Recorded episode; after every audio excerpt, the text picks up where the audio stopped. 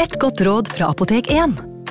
Nå er snart pollensesongen i gang, og et godt råd til deg som sliter med pollenallergi, er å begynne behandlingen i god tid før allergisesongen starter. Da får du nemlig enda bedre effekt av legemidlene, og så blir ikke våren din helt ødelagt. Kom innom og få råd på ditt nærmeste Apotek 1, eller chat med oss på apotek1.no.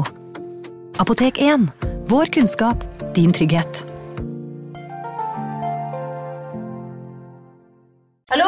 Jeg kommer fra Oslo politikammer. Ine Jansen er purk. Er du purk? The motherfucking bitch. Alt jeg vil, er å finne ut hva som skjedde med mannen min. Jon Carew. Er jeg sikta for noe? Iben Akeli. Det er du. Ole So, Lars Berrum og Big Daddy Karsten. Hvem sin side er du på, egentlig? Anette Hoff, Tone Danielsen, Kommer du fra Afrika? Jørnis Josef, Nesten. Kløfta. Trond Espen Seim, Det er synd å si det, men det var feil mann som døde. Purk. Premiere tirsdag på TV2 Play. Advarsel. I denne podkasten vil du høre historier basert på informasjon programlederne har funnet selv. Programlederne står ikke nødvendigvis inne for meninger og syn som fremstilles. Noen påstander kan avvike fra virkeligheten.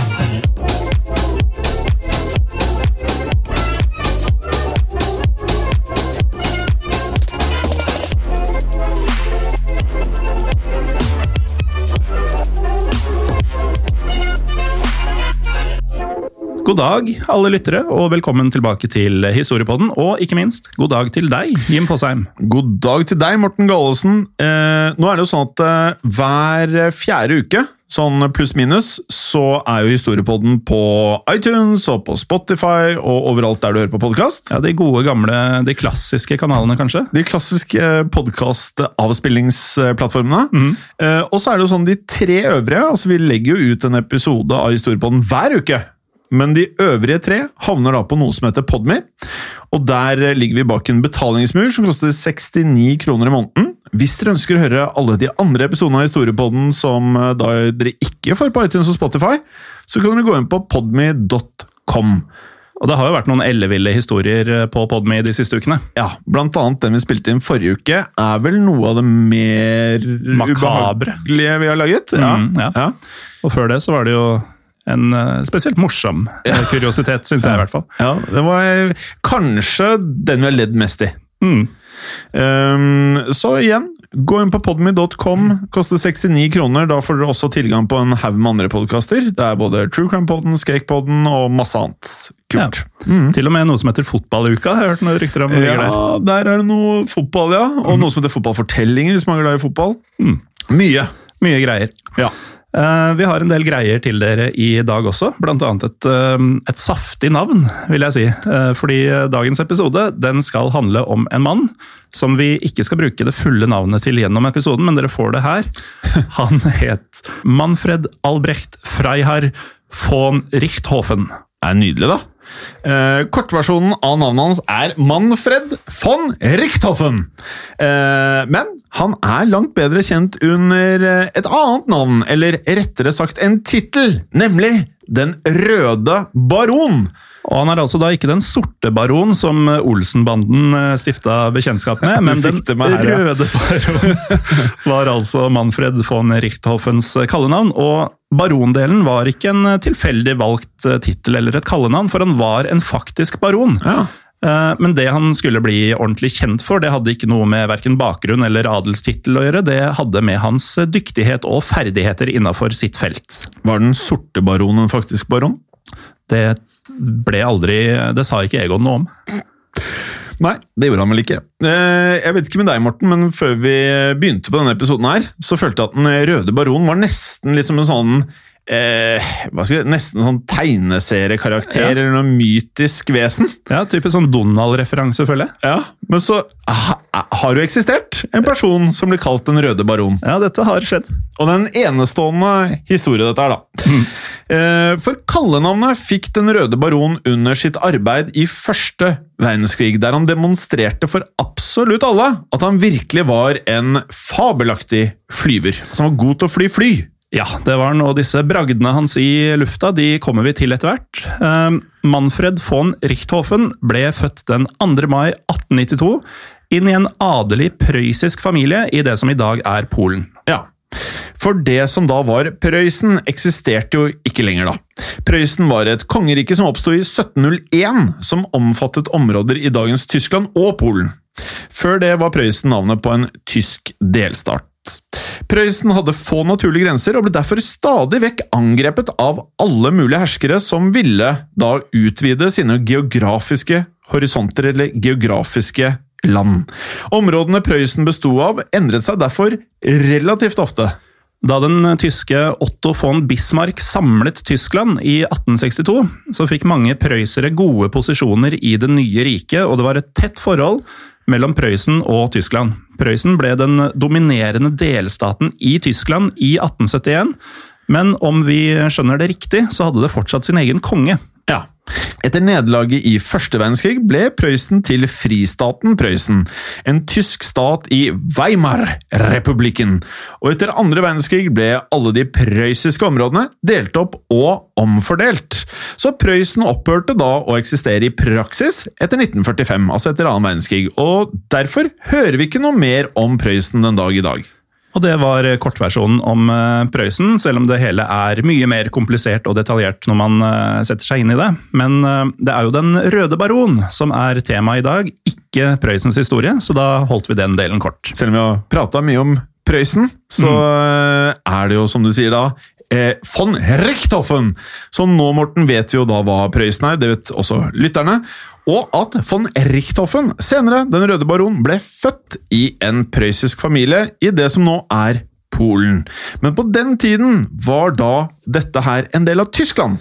Og siden familien hans var adelig, så vokste unge baron von Richthofen opp i gode kår. Eh, jakt og sport var fritidsaktiviteter som gikk igjen gjennom oppveksten hans, og Manfred var også veldig interessert i ridning som barn. Faren til Manfred var kavallerioffiseren Albrecht Freiherr von Richthofen. I tillegg var Manfred en etterkommer av en berømt prøyssisk feltmarskalk. En mann ved navn Leopold von Anhalt Dessau. Disse, disse, tyske eller tysklydende navnene de høres veldig høytidelige ut, syns jeg. Ja, de gjør det. Og en feltmarskalk, Morten, ja. det føles ut som en ganske sånn heftig tittel. Det er en heftig tittel, og når du da har en sånn fond inni navnet, da blir det jo ekstra fancy. Mm. Denne feltmarskalken, eh, altså Leopold von Anhalt Dessau, var kjent for å hjelpe kurfyrst, også en ganske fet tittel, Fredrik Wilhelm 3. av Prøysen med å organisere det da nye systemet for den prøyssiske hær på 1700-tallet. Eh, Leopold var også visstnok den som oppfant ladestokker av jern. Mm. Altså et redskap som man brukte til å skyve kuler inn på plass i uh, munningsladevåpen, da, som uh, ja, hva slags type geværer man hadde på 1700-tallet. Så ladestokker var ganske viktig. Mm. Ja, Før 1700-tallet pleide man å bruke ladestokker av tre men uh, disse ble lett ødelagt i kamp, og Leopold introduserte visstnok ladestokker av jern. I tillegg så regnes Leopold som uh, skaperen av den prøyssiske eksersis. Ja vel? Uh, som da er en militærøvelse som består av gjentagelse og repetisjon av det samme handlingsmønsteret, kan man si. man har sikkert sett det på film uten helt å vite at det er det du ser. Men Leopold skapte altså den prøyssiske versjonen av disse øvelsene. Eksersis som i exercise. Nettopp. Mm -hmm. Grunnen til at vi har tatt opp alt dette om mannen som Manfred var etterkommer av, var at vi skulle demonstrere hvor sterkt det militære sto i Manfreds familie. Men denne berømte forfaderen og en far som var kavalerioffiser, gir det mening at Manfreds far ville at sønnen skulle følge i deres militærfotspor. Derfor meldte Manfreds far Manfred inn i Prøysens militærakademi, og Manfred begynte der da han var 11 år gammel. Eh, da han ble ferdig på dette akademiet i 1912, 20 år gammel, så meldte han seg rett inn i det prøyssiske kavaleriet. Og som vi vet nå i ettertid, så var jo første verdenskrig rett rundt hjørnet her. Mm. Så Manfred von Richthofen kom snart til å få riktig så mye å gjøre. Ja, Første verdenskrig brøt jo ut i 1914, og ved utbruddet var Manfred utstasjonert i nærheten av den russiske grensa.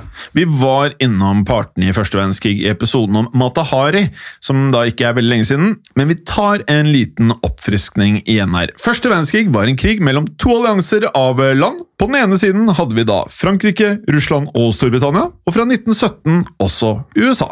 Og på den andre siden sto Tyskland, da inklusive Prøysen, sammen med Østerrike-Ungarn og Det osmanske riket. Og Manfred sto utstasjonert ved grensen til Russland, og Prøysen og Russland sto nå på hver sin kjempende side. Visstnok så var Manfred med i et av de første slagene i første verdenskrig der eh, ved denne grensa. Og Deretter så ble han sendt mot Belgia og Frankrike for å delta i den tyske Schlieffen-planen, og ja. den er ganske interessant. Schlieffen-planen var navnet på Tysklands plan om å invadere Belgia og Frankrike i 1914. Planen ble skapt av sjefen for den tyske generalstaben allerede i 1906, så de var tidlig ute der. Tanken var at dersom Tyskland i fremtiden ville havne i en konflikt, var det sannsynlig at Tyskland ville havne i en tofrontkrig mot både Frankrike og Russland, siden de landene da hadde vært allierte siden 1894. Og det ville jo være vanskeligere for Tyskland å kjempe på to fronter samtidig, så det foreslåtte svaret på dette scenarioet var at eh, Tyskland måtte invadere Frankrike raskt og ødelegge den franske hæren i ett stort slag. Eh, og På veien da skulle de gå gjennom Belgia. Ved å slå franskmennene raskt kunne tyskerne da fri opp hoveddelen av styrkene sine, så de kunne dra og kjempe mot eh, Russland. Så denne planen ble tenkt ut i 1906, og bare åtte år senere, altså i 1914, befant Tyskland seg i akkurat den situasjonen som hadde blitt forutsett. Tyskland var i krig med både Russland og Frankrike, som var allierte. Tyskland måtte da kjempe på to fronter, som gjorde at de måtte dele opp styrkene sine, som ikke er fordelaktig. Nei, det er ikke en ideell situasjon, så Tyskland satte denne Schlieffen-planen ut i verk. Eh, Belgia og Frankrike skulle da tas raskt, og Manfred ble sendt med i denne invasjonen. Nå i ettertid vet vi at Schlieffen-planen feilet da. Tyskerne hadde undervurdert en rekke praktiske og logiske faktorer, og var preget av eh, dårlig kommunikasjon. Invasjonen ble stoppet i det store slaget ved elven Marne i september 1914. Noe som førte til at tyskerne ikke klarte å erobre Paris. Og Deretter forsøkte begge sidene å angripe motstanderens styrker bakfra. Så begge sider forsøkte å komme rundt flanken på den andres styrker.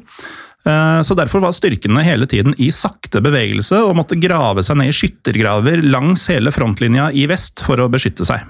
Og Veldig snart gikk da krigen derfor over til det som kalles en stillingskrig, eller det som første verdenskrig ble kjent for, skyttergravskrig. Ja, Kan du definere det, Jim? La oss sitere det store norske leksikon for å få en liten forståelse av hva som menes med stillingskrig. En stridsform som oppstår når de kjempende hærer har inntatt stillinger ovenfor hverandre, har gravd seg ned og ikke makter å drive motstanderen ut av den valgte stillingen. Soldater gravde seg altså ned i disse skyttergravene på begge sider, og sidene maktet ikke å drive den andre siden bakover, så man ble veldig fastlåst. Og Første verdenskrig er jo et særlig kjent eksempel på dette. For eh, denne skyttergravskrigen, eller stillingskrigen, den foregikk i stor grad under første verdenskrig. Nå I dag er stillingskrig mindre vanlig, ettersom vi nå har fått flere moderne våpen og flere eh, flyvåpen, som gjør at det er vanskeligere å ha en sånn type stillingskrig. Manfred eh, tilbrakte dermed et par måneder i skyttergraver før han fant ut at uh, dette ikke var noe for han. Derfor, det skjønner jeg godt, for så vidt. Ja, det var jo altså de skyttergravene, det hygienemessige og sånn, det var jo helt forferdelig. Og Vi burde faktisk ha en fremtidig episode om akkurat det. fordi i de skyttergravene så skjedde det ganske mye heftige ting. Det gjorde det. Blant annet én sekvens som jeg har bitt meg veldig fast i, er når de rett og slett eh, begge parter blir enige om å ta en, eh, en pause. Mm. Fordi de blir angrepet så mye av ulver. Ja. Så de bestemmer seg derfor for å bare ta en pause i krigen og rett og slett drepe unna og gå til krig mot ulvene. Ja. ja. En eh, kuriositet, kanskje. Kanskje det. Eh, Manfred hadde i hvert fall fått nok av livet i skyttergravene, og ba derfor om å bli overført til Luftforsvaret. Og Manfred han var med og observerte mm, flygende bombeteam i noen måneder, før han gikk over i pilotopplæring. Ja. Manfred han besto piloteksamen første juledag 1915. Deretter ble han sendt til en skvadron, altså en enhet som vanligvis består av 12 til ja, 24 fly. Og Skvadronen som Manfred ble sendt til, den gjorde oppdrag i Russland, og var det som kaltes en two-seater squadron, altså at de brukte toseters fly. Men rett etter at Manfred fikk ordren om å dra dit, kom en forespørsel fra en mann ved navn Osvald Bølke. Bølke var eh, Tysklands eh, pilot-S, altså deres beste flyver, deres toppflyver. Det måtte vært stas. Det må ha vært stas. Han ledet eh, 40 seire i lufta, altså at han hadde skutt ned 40 fly, og regnes som Tysklands father of air fighting tactics, altså eh, tysk luftkrigstaktikks far. For å si det veldig enkelt. Ja, veldig enkelt. Så Bølke, Tysklands pilot spurte altså Manfred om han ville bli med i Bølkets eh, enseters kampskvadron i stedet for den andre toseterskvadronen. Manfred ble gjerne med han, og den 1. september 1916 ankom Manfred sitt nye luftrom. da. Og Vi kan fortelle da at eh, Bølke, dette flygeresset som hadde fått Manfred med i skvadronen, døde like etterpå, den 28. oktober 1916, da han kolliderte med et annet fly i lufta og døde i dette krasjet. Men Manfred han fløy videre til nye høyder eh, lenge etter dette, allerede i midten av september 1916. eh, Altså bare noen få uker etter at han hadde ankommet, så skåret Manfred sin første seier i lufta. Du vet, Det er en sånn gjennomgående sak i historiepodden at mange av de som blir bygd opp som noen av de største i et eller annet gjennom historien. De er dauer rett etterpå. Ja, ja, ikke bare det, men eh, man tenker jo at han der godeste Bølke burde jo vært i en helt vill duell med et eller annet S på den andre, andre siden. Ja. Og at det var sånn at det, å, nå fikk has på motstanderen. Og så er det et uhell. Ja, så er det et uhell.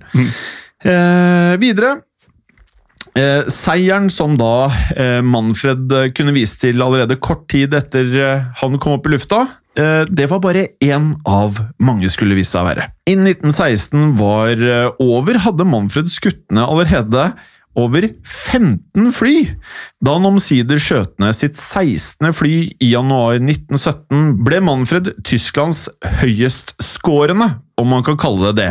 Altså høyestskårende topplot som fortsatt var i live. For hans bragder og mot ble Manfred tildelt ordren Pour le mérité, den høyeste tyske og prøyssiske militærorden som tildeles for tapperhet. Og våkne og språkkyndige lyttere merker kanskje at navnet på den ordenen ikke var tysk, men fransk. Eh, Noe som kommer av at eh, ordenen ble skapt av kongen av Prøysen i 1740, og på den tiden så var fransk et vanlig språk brukt av hoff i Europa. Eh, Fransk var det foretrukne språket i den kongens hoff, så derfor er navnet på denne ordenen fortsatt fransk. Det er riktig, det. Pour le mérité var en stor, stor ære å få. Og Manfred han fortsatte å være Tysklands topp-S på flygerfronten. I januar ble Manfred leder for sin helt egen eh, skvadron, kalt eh, Jasta 11, eller Jasta 11. Eh, Rundt samme tid bestemte Manfred seg for å male kampflyet sitt, som var en Albatross D3. Han malte dette flyet rødt, Selvfølgelig. og da begynner vi å ane konturene av kallenavnet hans, Den røde baron. De råte Baron. Rød pga. fargen på flyet, som gjorde ham lett å kjenne igjen i luften, og baron pga. tittelen hans, som vi nevnte i starten her. Han var jo baron Manfred von Richthofen. Han hadde noen andre kallenavn også, Ja. f.eks. for eksempel Le Petit Rouge, det vil si Den lille røde. Eh, Og også navn som The Red Battleflyer og The Red Knight. Men eh, Den røde baron var det som virkelig satte seg og festa seg, og er det navnet som Manfred er mest kjent som den dag i dag. Resten av skvadronen fikk også et uh, kallenavn, for de malte nemlig flyene sine i lyse farger. I løpet av det neste halvåret skulle skvadronen dermed få kallenavnet Richthoffens Flying Circus, altså Richthoffens flyvende sirkus. Og de var både fryktede så vel som fargerike. Den røde baron ble et symbol for tyskerne på hva det tyske folk kunne oppnå i krigen. Og Manfred fortsatte å skyte ned fiendens fly i stor skala. Innen utgangen av mars 1917 hadde Manfred skutt ned totalt 31 fly. Og i april 1917 skulle han sette en ny personlig rekord. Ja, april 1917 så kjempet nemlig britiske Royal Flying Corps på vestfronten, og de kalte april 1917 for Bloody April. Dette var fordi britiske flygere led store tap den måneden, med totalt 912 falne flygere. Det er jo litt. Det er noen. Den røde baron alene skjøt ned her 21 britiske fly denne aprilmåneden, som ble hans, eh, ja, kall det i rekordmåned. Og tyskerne de elsket Den røde baron, men britene var så klart eh, ikke spesielt glad i han og fryktet Den røde baron. Som er naturlig med tanke på de tallene vi akkurat serverte. Um, nå har det seg sånn at Manfred førte dagbok, så vi tenkte å fortelle litt eh, om eh, et utdrag fra denne dagboka der Manfred skriver om den 2. april 1917. uh, Sånn at vi får et nærmere bilde av hans tanker og, og hverdagen hans i denne krigen. 2. april 1917 er for øvrig samme dag som mitt kjære Lillestrøm sportsklubb ble stifta, Jim. Ja, Interessant. interessant. Dere skal føre mer om eh, det som sto i dagboken, og ikke så mye om LSK etter en kort pause. Velkommen tilbake. Vi har hørt om bragdene til Den røde baron, og om hvordan han skjøt ned fly etter fly. Og nå tenkte vi å fortelle dere litt om hva han skrev i dagboka si den 2. april 1917. Ja. Dagen begynner med at Manfred blir vekket av et rop. Sir, the English are here. Manfred hopper ut av sengen og hiver på seg klærne. Og mekanikerne de har jo selvfølgelig allerede gjort klart Manfreds røde fugl, altså flyet hans. Manfred hiver seg i flyet og tar av, som den siste flyveren som drar opp i lufta. Og da ser jo Manfred at de andre flyverne er mye nærmere fienden, eh, altså britene, siden de hadde kommet seg opp i lufta før han. Eh, Når Manfred kommer flyvende, ser en brite han og bryter seg frem for å kjempe. Og Manfred og briten de begynner å kjempe i lufta, og briten begynner å gjøre triks og flyr opp ned og den slags for å komme innpå Manfreds røde fly. Men det som skjer da, Morten, det er at eh, Manfred han eh, blir ikke spesielt imponert over dette. Tvert imot mener han at det er eh, klart at briten ikke kunne unnslippe den røde baron. Manfred skriver i dagboken sin I was his master, and very soon I recognized that he could not escape me. Etter Det, det, det, vitner jo om eh, relativt høy selvtillit når livet står på spill. ja, og når han eh, andre briten tydeligvis var en god flyver han også, som kunne alle disse triksene. Men eh, sånt showmanship det beit ikke på Manfred i det hele tatt. Det minner meg litt om Indiana Jones, når Indiana Jones er på den markedsplassen i Marrakech, tror jeg det er. Og så kommer det en eh, fiende der med svær sabel, tror jeg det er. Og så tar han masse triks med sabelen bak hodet, under armen og litt sånn forskjellig. Skal sette Jones, seg i respekt. Helt riktig. Men Indiana Jones tar opp revolveren, skyter den, ferdig. Som er en ikonisk scene, selvfølgelig.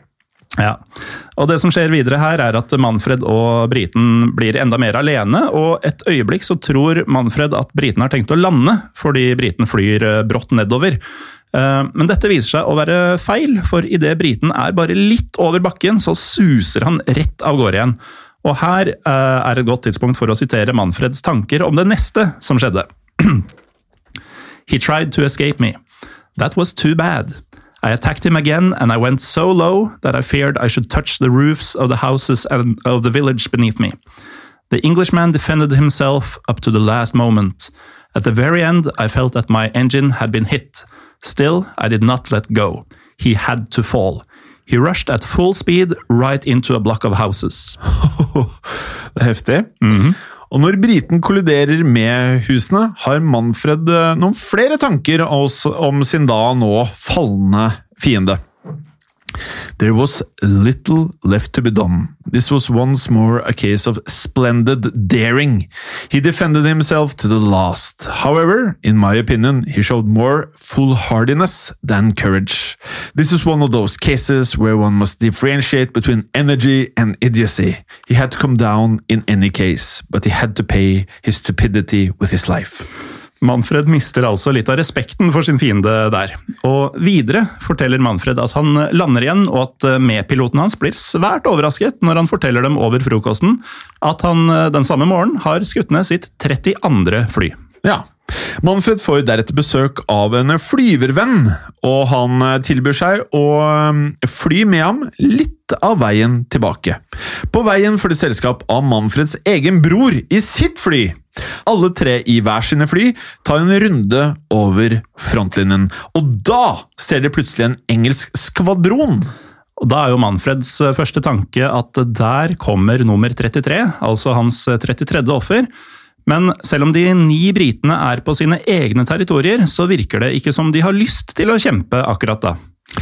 Når Manfred skjønner dette, så tenker han at det må være tid for å male flyet sitt igjen. Med det mener han at han ønsket å vise seg frem for britene, og at de skulle skjønne hvem det var som fløy mot dem. Rødfargen hadde kanskje falmet litt, og det kunne ikke Manfred ha av. Så Manfred og hans to venner de tar igjen den britiske skvadronen. Og Manfred er nærmest og angriper det bakerste flyet. Han eh, skriver da i dagboka at eh, fienden, altså briten, aksepterer denne kampen, men at resten av den britiske skvadronen flyr videre. Og Dette gjør Manfred svært fornøyd, for nå har han en ny såkalt single fight, dvs. Si kamp én mot én, og det er tydeligvis dette Manfred liker aller best. Ja, det virker sånn.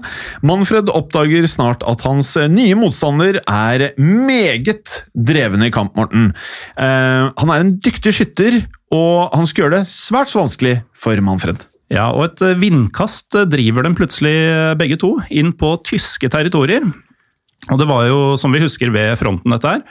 Manfreds britiske motstander han innser at eh, dette kan bli vanskelig for han, siden han nå er alene inne på tyske territorier. Så derfor dykker briten raskt ned og inn i en sky for å unnslippe Manfred. Manfred dykker selvsagt etter. Han skriver I plunged after him and dropped out of the cloud, and as luck would have it, found myself close behind him.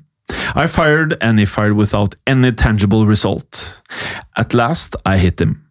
I noticed a ribbon of white benzene vapor. He had to land for his engine had come to a stop. Så Manfred traff altså britens eh, flymotor, og briten var nødt til å lande. Briten han kjemper og skyter hele veien til han eh, lander hardt på bakken. Manfred bestemmer seg så for å fly lavt over britens fly for å sjekke om piloten inni har overlevd. Og briten, han lever definitivt, for han griper maskingeværet sitt og skyter straks hull i Manfreds røde fly. Manfred stikker, og vennen hans sier senere at han personlig hadde skutt ned briten på bakken også, siden han ikke hadde overgitt seg. Manfred skriver at han burde ha gjort det samme, men at han ikke gjorde det. Videre så skriver Manfred at den britiske piloten er et av hans få ofre som overlevde. Uansett så er han glad, for han har skutt ned sitt 33. fly. I felt very merry. Flew home and celebrated my 33rd aeroplane. Dette her, Morten, vitner jo som om uh, vi prater om uh, Cristiano Ronaldo eller Messi som rett og slett pynter på statistikken sin, eller Michael Jordan. Det er ikke det, ja, det handler om å være best og, og få kvantitet, uh, altså tallet og statistikken opp. Ja, Det virker som han skulle inn i historiebøkene. Mm. Så, og nå er han i historiepodden. Det ja. er jo da, nåtidens historiebok. Det er helt riktig, det. Ifølge den dagboken klarte Den røde baron å skyte ned ikke bare ett, men to fiendtlige fly på samme dag. Og vi har mer enn bare hans ord for at han da faktisk skjøt dem ned, selvfølgelig. De aller fleste av hans nedskytinger er faktisk dokumenterte. Og Vi ser jo litt av Manfreds personlighet, da, som du nevnte, Jim, i dette utdraget. At han var alltid klar for kamp, og da særlig én mot én. At han alltid så etter anledninger til å øke denne rekorden sin, og at han var stolt av egne evner og faktisk også respekterte motstandere som kjempet godt. Men at han hadde lite til overs for dem som utviste det han mente var dumskap og, og jåleri, da, som den eh, tidligere uh, fienden. Um, I tillegg til å være stolt av egne evner, så var han også stolt av ryktet sitt, som vi ser av kommentaren der han mener han burde male flyet sitt rødt igjen, sånn at han fortsatt kan bli gjenkjent av britene. Som man lett forstår ut ifra alt det vi har lest opp fra dagboken hans, så skjønner man jo at Manfred var svært dyktig i luften. Og briten som brøt av for å kjempe mot han, håpet kanskje på å endelig nedkjempe den kjente kjente og beryktede Røde baronen. Men det gikk ikke. Manfred var eh, god til å vri seg unna fiendens eh, ild, altså eh, maskingevær, men han klarte ikke det for alltid. Den 6. juli 1917, altså bare noen måneder etter dagbokutdraget vi nettopp hørte om, så ble faktisk Manfred skadet i, i kamp. Og Det som skjedde, var at et skudd faktisk streifa Manfreds hode i en kamp med briter, og han endte opp på sykehuset med det man kanskje ikke forventer å få når man blir skutt i hodet kraniebrudd. Uh, Manfred var imidlertid ivrig etter å komme seg tilbake til slagmarka, kanskje litt for ivrig, for bare tre uker at han da hadde blitt streifet i hodet og fått kraniebrudd, var han tilbake, selvfølgelig mot legens ordre. Dette er noe som uh, minner meg om et par andre krigshelter vi har prata om før. Antony Deviard, Ja. tenkte jeg på. Uh, hva het denne episoden igjen? Uh, mannen som elsket krig. Ja. Eh, han havna jo så mange ganger på sykehus og skulle alltid tilbake. Han, han var så lei til slutt at han bare kasta ut glassøyet ut av huet, ut av et taxivindu på vei til krigen. Var det ikke noe sånt? da? Jo, noe sånt. Det at Manfred skulle gå tilbake til krig før han ble anbefalt å gjøre det, skulle vise seg ikke være spesielt bra for Manfred, for skaden ble aldri helt leget, og han klagde stadig vekk over en hodepine. Derfor tok han raskt en pause fra krigen igjen, frem til slutten av oktober 1917. Han brukte denne pausen til å engasjere seg i lobbyisme, selvfølgelig for forbedringer innen flymaskineri. Og Manfred eh, sin lobbyisme besto bl.a. av å oppmuntre til en åpen konkurranse blant flyprodusenter, der de skulle konkurrere om å lage et nytt kampfly. Og denne konkurransen ble faktisk holdt i januar 1918. Resultatet av denne konkurransen ble kampflyet Fokker D7, som mange mener var den beste flytypen som ble produsert under første verdenskrig. Innen denne tid hadde jo Manfred von Richthofen inntatt sin plass som den mest suksessrike tyske jagerflyveren noen gang, men han skulle aldri komme seg fra denne hodeskaden. Likevel var han fortsatt i stand til å forbedre sin egen rekord, for etter skaden i juli 1917 skjøt han faktisk ned 22 fly fram til april 1918. Etter hvert byttet han flyet til modellen kjent som The Fokker Triplane. Selvfølgelig også malt i rødt. Manfred brukte sitt Fokker Triplane i sine siste 19 seire. Men suksessen kunne ikke vare evig. I april 1918 hadde Manfred skutt ned 80 ofre, og han var fullt i gang med å forsøke seg på offer nummer 81.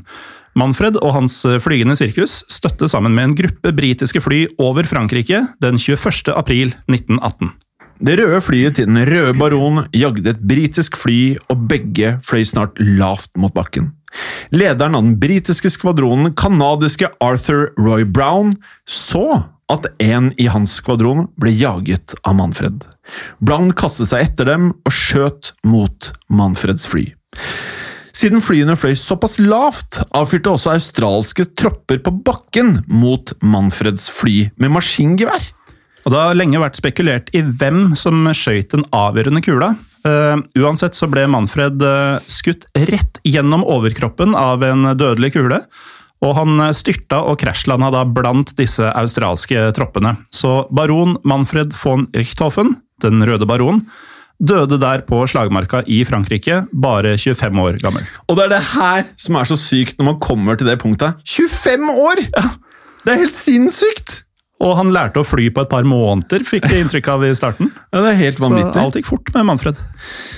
Eh, men det var jo da sånn det gikk med mange unge menn under første verdenskrig, dessverre. Det var mange foreldre som da levde eh, vesentlig lenger enn sine sønner. Og Når det gjelder hvem som avfyrte dette skuddet som faktisk tok livet av Manfred, så var det lenge kanadiske Arthur Roy Brown som fikk æren av å ha skutt ned Den røde baron.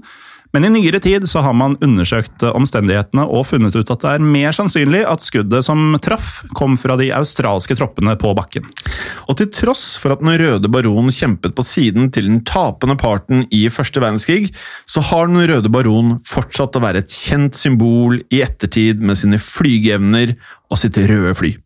Den røde baron dukker stadig vekk opp i både filmer og bøker, og mange protagonister er basert eller inspirert av Den røde baron. Han dukker også opp i sanger så vel som videospill. Og det at han lever, i, lever litt i ettertiden er jo fint med tanke på at han døde såpass ung. Men eh, sagaen om Den røde baron er i hvert fall over. Så vi eh, høres neste uke, dere som eh, hører på. Og fram til da så kan dere jo gjerne like Historiepodden Norge på Facebook, eller følge Historiepodden Norge på Instagram. Helst begge deler, og bli gjerne en del av Facebook-gruppen vår Historie for alle. Ja, Og da, Morten, så må vi vel bare si som vi pleier, det har skjedd. og det kan skje igjen! I produksjon av Historiepodden så ønsker vi å takke Håkon Bråten for lyd og musikk. Takk til Felix Hernes for produksjon. Takk til Ellen Froktenestad for tekst og manus. Og takk til deg, Morten Galesen, for programlederrolle. Og takk til deg, Jim Fosheim, for programlederrolle.